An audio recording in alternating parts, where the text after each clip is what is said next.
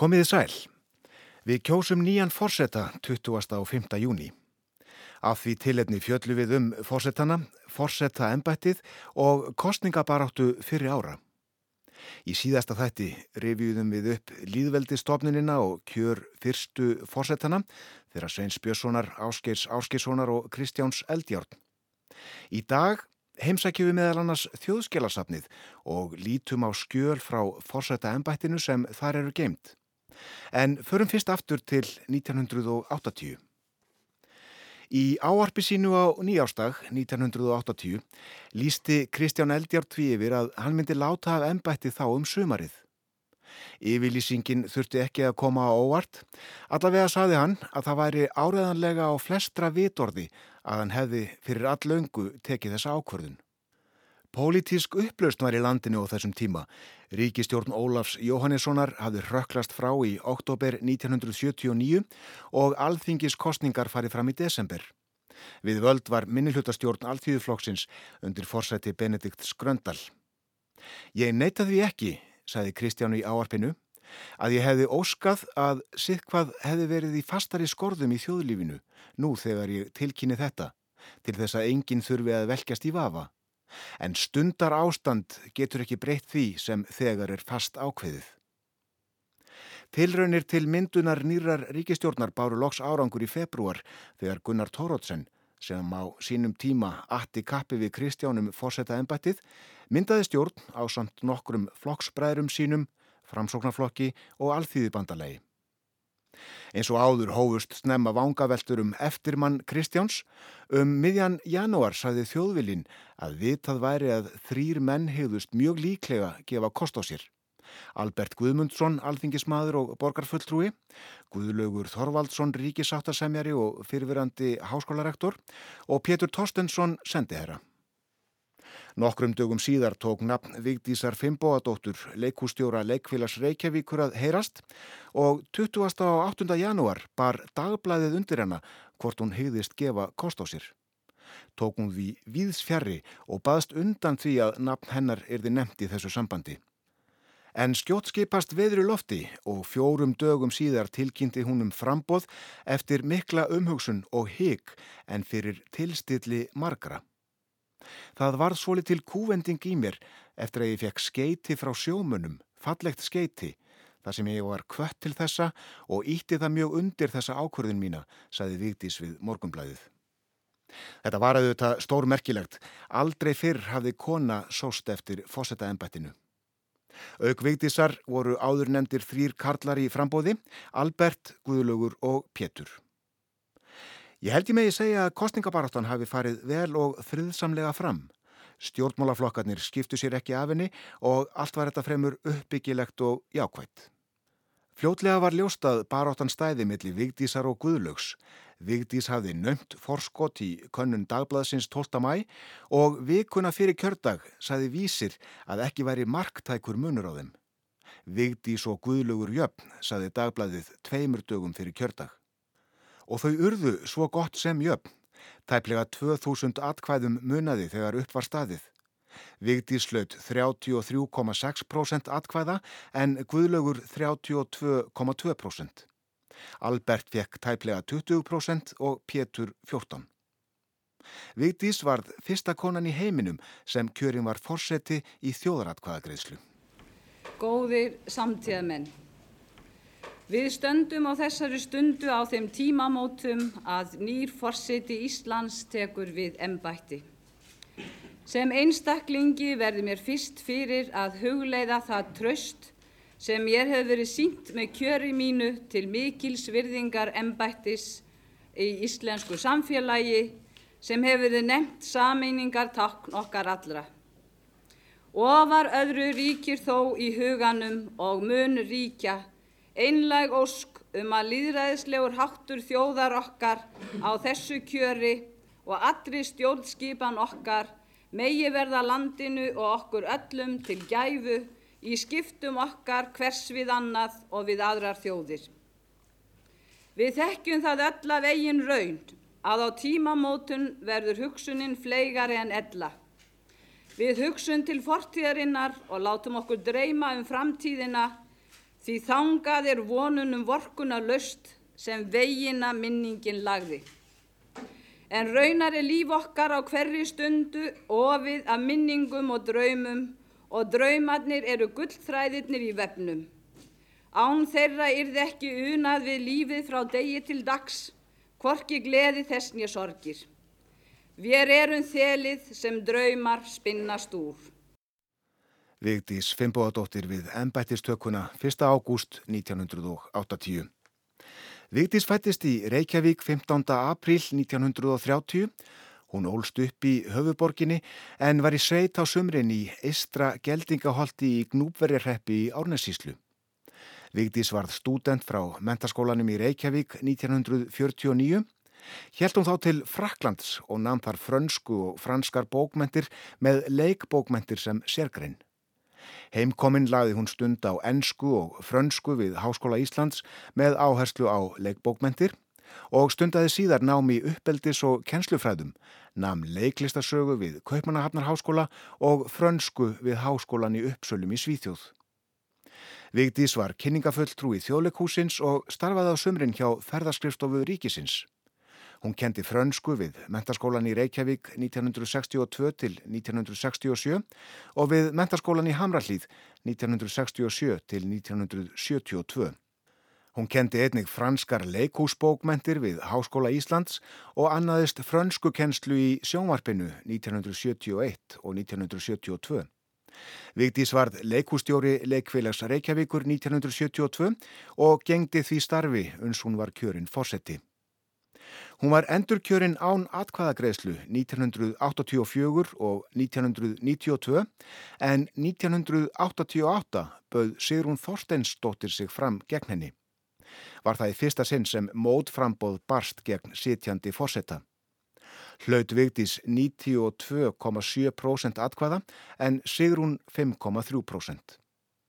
Vigdís var fósetti í fjögur kjörtímabill, 16 ár, hún leta af ennbætti 1996. Árið 1980 þegar Vigdís var fyrst kjörinn heyrðu við fyrst í og af Bubba Mortens fyrir alvöru. Um sumarið gaf hann út Ísbjarnarblús en á henni voru til dæmi sannemt lag, Rognin eru að koma og Stál og nýfur. Og um haustið kom platan Geistlavirkir með utangarsmunum Á henni voru til að mynda Kirlátt kvöld, Hiroshima og Ég vil ekki stelpu eins og þig. Stjörnumessa var haldin í ársbyrjun þar sem lægið um Nínu og Geira sigraði, Magnús Eiríksson var textahöfundur ásins, Haugur Mortens fekk heiðursverlun og laugin af plötunni Ljúa líf með Þú og ég var enn mjög vinsæl en hún hafi komið út árið áður og var valin plata ársins. Meðal annara tónlistamanna voru Brimkló, Ljósin í bænum, Geimsteinn, hinn íslenski þussaflokkur, Messoforte, Fræbladnir og Start. Helstu skemmtistæðir voru Hollywood, Sigtún, Klúpurinn, Hotel Saga, Hotel Borg, Óðal, Glæsibær, Þórskafi og fleiri. Vinsæ lög, auk áðurnemdra, voru tröstur vinur með upplýftingu, Vegurinn heim eftir Magnús Eiríksson, Hvers vegna varst ekki kyrr, Stolt siglir fleið mitt, Í nótt með fræblunum og Fallin. Óvitar Guðrúnar Helgadóttur voru enn á fjölum þjóðleikhúsins en leikritið var frumsýnt 1979 en einnig Snjór eftir Kjartan Ragnarsson. Leikvila Reykjavíkur síndi Afvitan eftir Þórberg og Kirsjubergagarðin eftir Tjekov. 1980 var upphaf kvikmyndavorsins þrjár íslenskar myndir voru frumsýndar, Land og sinir eftir Ágúst Guðmundsson, Veiðiferðin eftir Andrés Indriðarsson og Óðal Fæðrana eftir Hafn Gunnlaugsson. Meðal mest seldu bóka voru Valdatabli Valhöll eftir Anders Hansen og Reyn Loftsson, Gríklandsár Haldórs Lagsnes og Læknamafían eftir Auði Haralds.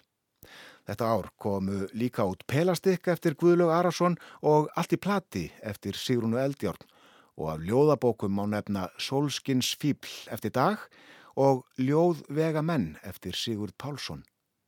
Þá komu tvær fyrstu bækur Einars Más Guðmundssonar út þetta ár. Er nokkur í koronafötum hér inni og sendisveitnin er innmanna. Íslandingar voru 227.000, Valur varð Íslandsmeistari í fótbolta Karla og breyðabliki í kvennatildinni, Egil Skúli Ingibergsson var borgarstjóri og Gunnar Tórótsen var fósættisráþöra í februarmánuði. Mart var einstakt í fósettatíð Vigdísar Fimboadóttur. Kjör hennar markaði tímamót, hún var fyrsta konan sem böði sér fram til embættisins og auðvitað fyrsta konan til að gegna því og um leið var hún fyrsta konan í heiminum sem var kjörinn fórseti í þjóðratkvæðagreislu. Fyrir hennar hennar tveir, Kristján Eldjárn og Ásker Áskesson, upplýstu með formlegum hætti í nýjás áarpi á síðasta ári kjörtímabila að þeir hefðust ekki leita endurkjörs. Vigdís upplýsti um sína ákverðun öllu fyrr, nefnilega við setningu alþingis að hösti. Það var sem sagt annan oktober 1995 sem ljóst varð að fórsetakostningar færu fram sumari 1996. Orðrétt saði hún, í síðasta sinn á þessu kjörtímabili hef ég nú sett alþingi Íslendinga. Á þeirri stund þykir mér við eiga að tilkynna þingi og þjóð að ég mun ekki gefa kost á mér til endurkjörs í embætti fórseta Íslands. Líkt og fyrr var kefst við að finna vanlegan eftirmann og heikja að aldrei fyrr hafi jafn margir verið nefndir. Sá sem einna fyrst var nefndur var Ólafur Ragnar Grímsson, þingmaður alþýðu bandalagsins, en hann hafði skömmu áður látið af formensku í floknum.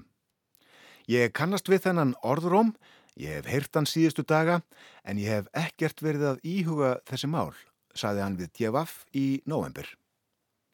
Umræðan fór svo á flög í byrjun ás 1996 og skoðanakannanir síndu mikinn stuðning við Pálma Mattíasson Prest. Meðal annara sem nötu hilli voru Ólafur Ragnar, Guðrún Agnarstóttir, Læknir og fyrirverandi alþingismadur, Guðrún Pétustóttir, forstuðumadur sjáarútvegsstofnunar Háskóla Íslands og Davíð Ottsson, fósættisráð þeirra. Á endanum gáfu Ólafur Ragnar Guðrún Agnarsdóttir og Guðrún Pétursdóttir kost á sér sem og Pétur Káir Hafstein hæstaréttadómari og Ástþór Magnússon aðtarnamaður. Tíu dögum fyrir kjördag dró Guðrún Pétursdóttir frambóð sér tilbaka og stóð valið því á endanum á milli fjögura líkt og 1980. Eftir að kostningabaráttan var hafin af alvöru varð Ólafur Ragnar jafnan efstur í skoðanakönnunum. Mánuði fyrir kjördag sagði í fyrirsögn Djevaf Ólafur enn með meiri hluta en Pétur sækir á.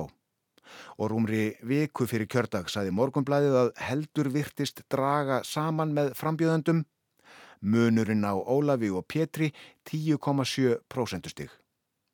Svo var kosið, Ólafur Ragnar fekk 41%, Pétur 29%, Guðrún 26% og Ástþór 2,6%.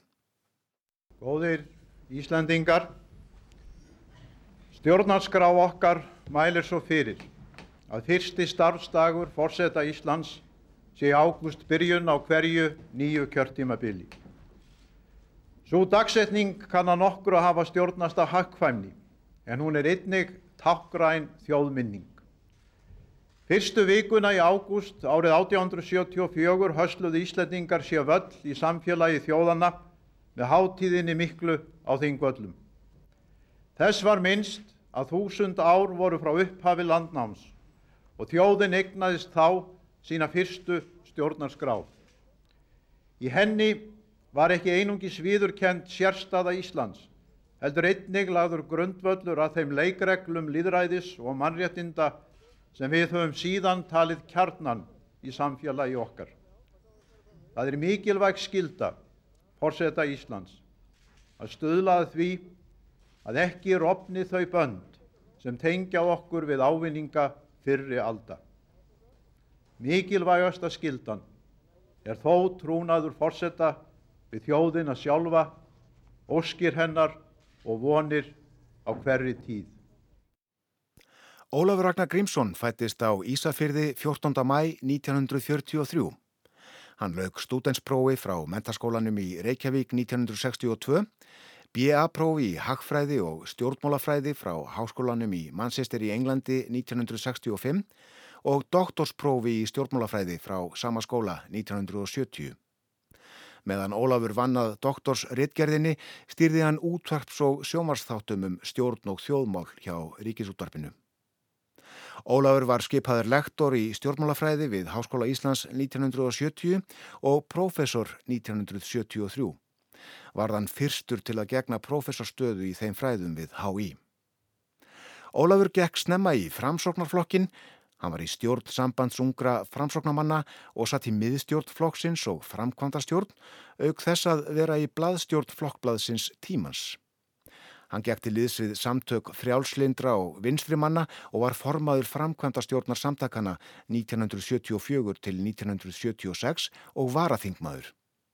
Hann gekk svo í Alþýðibandalagið og satt þar í miðstjórn og framkvæmda stjórn frá 1977. Ólafur var þingmaður Alþýðibandalagsins 1978 til 1983 og aftur 1991 til 1996. Hann var formaður flokksins 1987 til 1995 og fjármálar á þeirra 1988 til 1991. Hann var í útvarpsráði um skeið, ritt stýrði þjóðviljanum, satt þing Evrópuráðsins, var í stjórn landsvirkjunar og forseti alþjóðlegra þingmannasamtaka. Fymta kjörtímabili Ólafs Ragnars líkur 1. ágúst. Þá höfur hann gengt ennbættinu í 20 ár. Hann var endurkjörinn án atkvæðagreðslu árin 2000 og 2008 en í kostningum 2004 og 2012. 2004 hlaut hann 68% atkvæða, Baldur Ágústsson 12,5% og Ástþór Magnússon 1,5%. 2012 hlaut Ólafur Ragnar 53%, Þóra Arnórsdóttir 33%, Ari Trausti Guðmundsson tæp 9%, Herdís Þorgersdóttir 2,6%, Andrea Ólafsdóttir 1,8% og Hannes Bjarnason 1%. Og tíðarandin árið 1996 þegar Ólafur Ragnar var fyrst kjörinn. Þá voru sveitaböllin enn við líði og í félagsheimilum vítt og breytt um landið leku hljómsveitir á borð við SSOL, Tóðmobil, Skítamóral, Miljónamæringana, Sníklabandið og Soldögg. Fleiri nutu vinsælda, Emiliana Torrini, Botleðja sem fór í tónleikaferð með Blör, Fungstrasse með Óttari Proppe, Kolrasa Krókriðandi sem reyndi fyrir sér utan landsteinana, Pátt Óskar og Káká og Maggi Eiríks að óglemdum áltagerðisbræðrum. Björk, David Bowie og Pölp komu saman á listaháttíð og meðal skemmtistafa má nefna Hotel Ísland, Rosenberg kjallaran, Gauk á Stöng og Ímsa Pöppa. Seta ástasaga eftir Vigdísi Grímsdóttur kom út sem á Íslandsförin eftir Guðmund Andra, Lávarður Heims eftir Ólaf Jóhann Ólafsson, Brótahöfuð eftir Þórarinn Eldjárn og Bónusljóð og Engar smá sögur eftir Andra Snæ Magnason. Mest selda bók ársins var hins vegar kökubók Hakaups eftir Jóhannes Felixson bakaramestara sem síðar varð þjóðkunnur undir viðunöfninu Jói Fel. Unga fólki las hjáttningar Berts, Latabæi á olimpíuleikum og Stafakallana. Kvikmyndirnar Draumadísir eftir Ástísi Torótsen og Djöblægin eftir Friðrik Þór voru frumsýndar og í leikúsunum voru til dæmis Þrek og Tár, Tröllakirkja, Kardemómubærin, Hið Ljósa Man og Barpar. Þetta ár voru Íslandingar um 270.000. Breiðablík varð Íslandsmeistari í knaspirnu Kvenna og Íja hjá Körlunum 5. árið í rauð. Ingi Björg Solrún Gísladóttir var borgastjóri og Davíð Ótsson fósatis ráð þeirra. Við ennbættistöku undirittar forsettinn eðstaf. Þetta er afskaplega formlegt og virðulegt og tíundagrein stjórnarskrárinar fjallar beinlinis um þennan gjörning. Hún hljóða svo, forsettinn vinnur eið eða drengskaparheit að stjórnarskráni er hann tekur við störfum. Af eðstaf þessum eða heiti skal gera tvö samhljóða frumritt. Geimir alþingi annað en þjóðskjálasafnið hitt. Ég heimsótti Eirík G. Guðmundsson þjóðskjálavörð í þjóðskjálasafnið við laugarveg 162 þar sem eðstafinnir eru geimdir í tryggilega læstri öryggisgeimslu. Elsti eðstafurinn í fórum sapsins er raunar korki forsetta nýja ríkistjóra. Já, þetta er uh, fyrsti eðstafurinn sem við höfum af þjóðhauðingjanum sem þá var Kristján tíundi sem staðfestir það að, að náttúrulega halda stjórnskipunar lögin sem þá eru í gildi. Og hér er þetta gert samkvæmt stjórnarskráni 1915 mm. og síðan er þetta áfram í þeim stjórnarskráni sem við höfum haft. Og það má vel að segja um uh, undirritun að hún er uh, svo gott sem óskiljanleg. Já, uh, hann skrifa náttúrulega eins og stundum er með þjóðhauðingja eða þá sem skrifa oft undir og með skjöl, hann gerir þetta með, með nokkrum uh, glæsið brag uh, hefur greinlega þjálfað sín undirritun og hún er auðþettjanleg Kristján R sem er þá Kristján og, og konungur. Og það er svona tví gegnumstreikað allt saman og, og svo undirstreikað með, með glæsilegri tönd og, og hérna erum við tvö eintök, bæði eindöngin annars við það sem átt að vera hjá, hjá þinginu og svo segir í stjórnskipunarlögunum að annað eintaka þessum eðstaf skal vera í þjóðsjálfsafni og hugmyndin vantilega svo að þar geti þá þjóðin sannreint að, að við komandi hafi staðfest vilja sem til þess að halda stjórnskipunarlögin. Já, þetta er uh, skjál sem skiptir máli. Já, það, það er það. það er, þetta er svona yfirlýsing um það að við komum að hafa tekið að sér þessa skildu að vera fulltrúið þjóðarinnar með þessum hætti sem hverðir áum í stjórnskipunni, þessi stjórnaskráni og hann sver í eigðað henni. Þetta, er, þetta gerir mér um allan hinn vestran heim.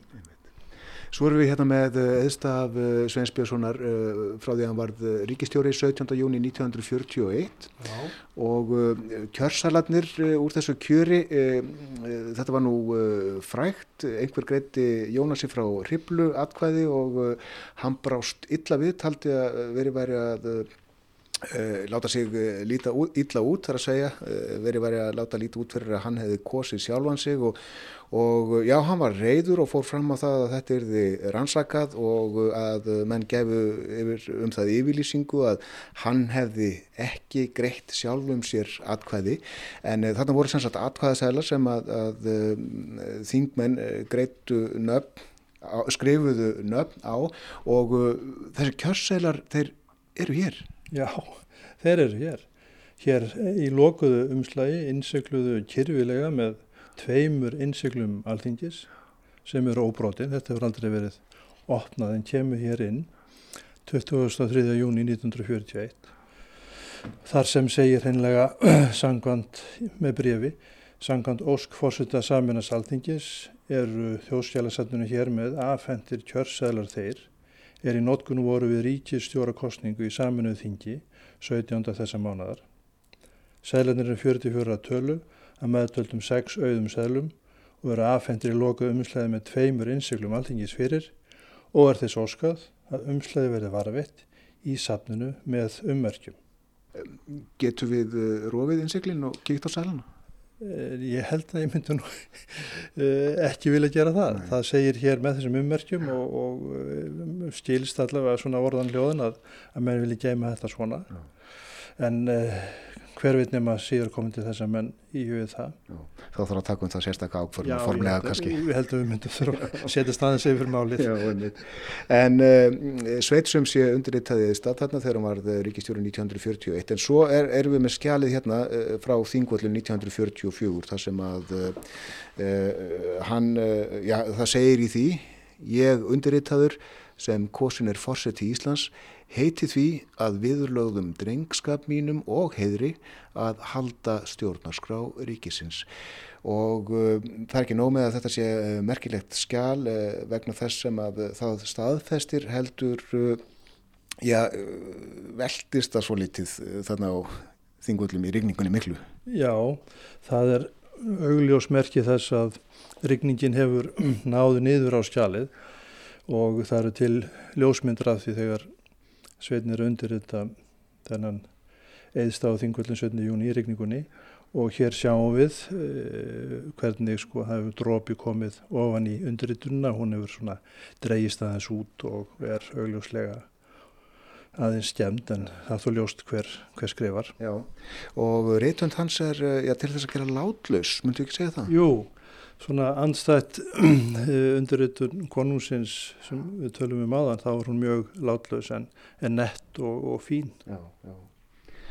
Og uh, svo er hér uh, sambaralegt skjál Áskeirssonar og Kristjáns Eldjárn og það er ekki nóg með að við séum hérna með eðstafinn hans eða, eða eðin heldur eru við líka með kjörbref fósetta frá hans tíð og það er annað plagg og ekki síðu merkilegt.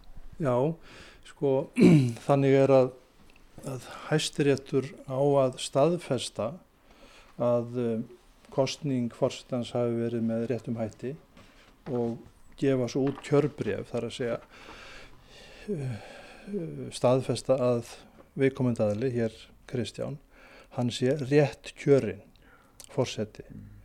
og það er þá uh, skjál sem að fórsetin fær og þetta er gert sem sagt hérna 1968 þegar Kristján er, er kjörinn og um, hér hefði kjörbrið útgefið 23. júli 1968 mm. uh, og uh, undir þetta skrifar skrifar dómarar hæstaréttar mm.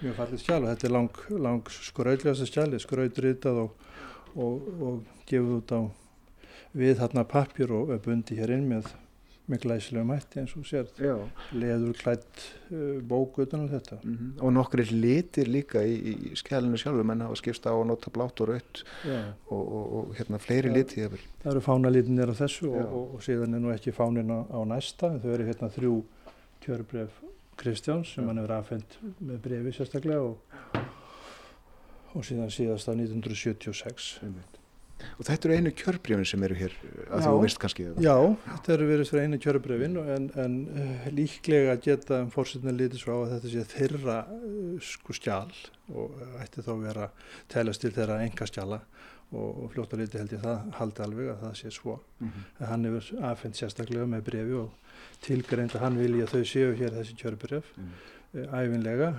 eftir minn dag, segir hann hér og ég hef ekki áður gert aðra ráðstöfum þeim viðvíkjandi. Mm -hmm. þannig að hann hérna aðfendir formlega þjóðstjálaverði uh, uh, þetta 1982 Já. þegar hann hefur látið af ennbættinu uh, svo er ég hér uh, undir í tannir eðstafir Vigdísar og Ólars Ragnarsson þetta Vigdís skrifa fallega. Já, hún er með náttúrulega netta hönd og á, ábyrrandi svona þó svolítið stór, stór staf, stóri stafir og mjög fínleg þó og, og maður sé nú eiginlega svona handbrað kennarans hér á, á þessu undirritun er mjög, mjög fallið skrift. Mm -hmm. eh, og örfá orðum um uh, undirskrift uh, Ólafs Ragnars, þetta er, þetta er, þetta er mikið, þetta, er, hérna, þetta, þetta geistlar af sjálfsöryggi. Já, það, það eru þínu orð en, en það er alveg rétt að Ólafur skrifar undir með, með, með nokkrum glæsi bræk og, og svona stór skrift og skrifar fullum fettum Ólafur Ragnar Grímsson og, og hérna með svona smá krúsitúlum og, og það er bara tilkom mikið og flott tekur tölvöld plás en við erum hérna með uh, undirritununa frá sem sé 1996 þegar hann uh, tók við ennbettinu fyrsta sinni og svo hér líka frá 2012 þegar hann var síðast kjörinn. Já, það er, það er sem sagt í hverskipti sem hann er kjörinn þá, þá er skrifað undir þenni neðstaf og eins og ég sagði aðan hann staðfyrti þá að hann haldi, haldi stjórnarskrána og hér er þetta síðast gert 1. ágúst 2012 Já. og það er þá að verða fjögur ár síðan mm. eftir nokkra mánuði. Og þetta verður næst gert 1. ágúst 2016 en, en eh, hver það mun verða sem mun undirrita þetta vittuðu þetta ekki. En uh, það eru uh, skjöl hér í, í þjóðskólasamninu frá uh, embætti fósetta og, og ég fekk að skoða lista yfir það, hvernig það ber fórstatarnum og fórstarskrifstofunni að skila öllum pappirum eila sem að koma til að verða til hann inn á skrifstofunni? Í meginaldurum er svarið já, því þetta eru eh, svona ofinber skjöl, þetta er náttúrulega æsta embætti þjóðarinnar og, og almennt gildir að embætti sem eru afhendingarsild til sapsins, þau geima og varðveita brefasöp sín og þetta er hluti af, af brefasafni, skjálasafni embættisins mm -hmm. og uh, þá er því skilað mm -hmm. og engum árumvöla eða nema með sérstaklega heimild frá, frá þjóðskjálasafni. Og er fullt af uh, lendamálum hérna, trúnaðamálum? Ég með það sumt hefur verið mert trúnaði en mjög fátt. Almennt er þetta nú bara svona uh, opinskjöl og, og, og aðgengileg hverjum sem er í sjálfum sér Já. og ennbætti hefur aðfend fjórum eða fimm sinnum og, og gerir það reglulega og ég vona því að það stittist í næstu aðfending og nú hefur ekki verið ekki skilaði í tíð Óla segjum, jú, jafnvel jú, hefur verið skilað einu sinni eftir Óla tók við mm. Þannig þetta er svona gert hjálpnaðlega eftir þessum aðstöður, aðstöður henda hjá ennbættinu Skoðum aðeins þessi gögg sem að voru, voru tekin hérna uh, fram fyrir mig að beðni, ég er svona nokkur veginn af handahófi en, en uh, við finnum hérna uh, fundagjörðabók Ríkisráðsins. Ríkisráði varð til þetta 1940 þegar Ríkistjórn Íslands ég tók sér valdið sem að enn var hjá konungi og það var að því að Danmörk var hersettinn og kongur gatt í raun ekki, ekki sint skildum sínum og þarna er, er þessi gjörðabók og þarna má sjá svona hvað menn voru að tala um á þessum tíma og ákveða? Já, þessi uh, gjörðabók er sem fyrir Ríkisráð Íslands og uh, hún er staðfennst hér af fórsættutráð þegar þáverandi Hermann Jónasinni 7. mæ 1940 og fyrsti fundurinn er þriðju daginn 7. mæ og hós klukkan 1 og, og svo er hérna alls svo fundar gerð og hér er greinlega verið að fjalla um lög og, og uh, staðfestingar á, á þeim síns með vera hér. Og svo er annar fundur viku síðar. Mm -hmm. og þannig gengur þetta. Svo eru hér uh, já, mappa, hún er mert trúnaðamál má, má fletta henni?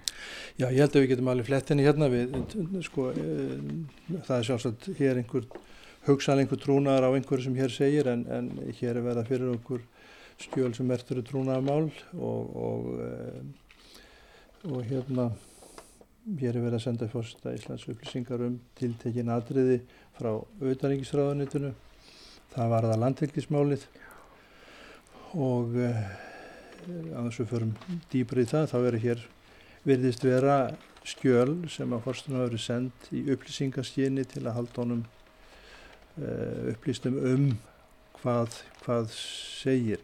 Hér er til dæmis skjál sem er mert top secret mm -hmm. og, og við ekki að segja að það sé en þá top secret þar til við höfum rannsakað það en, en, en þegar óskýr berast um aðganga þessu skjölum þá, þá förum við yfir þau lög sem nú gilda mm.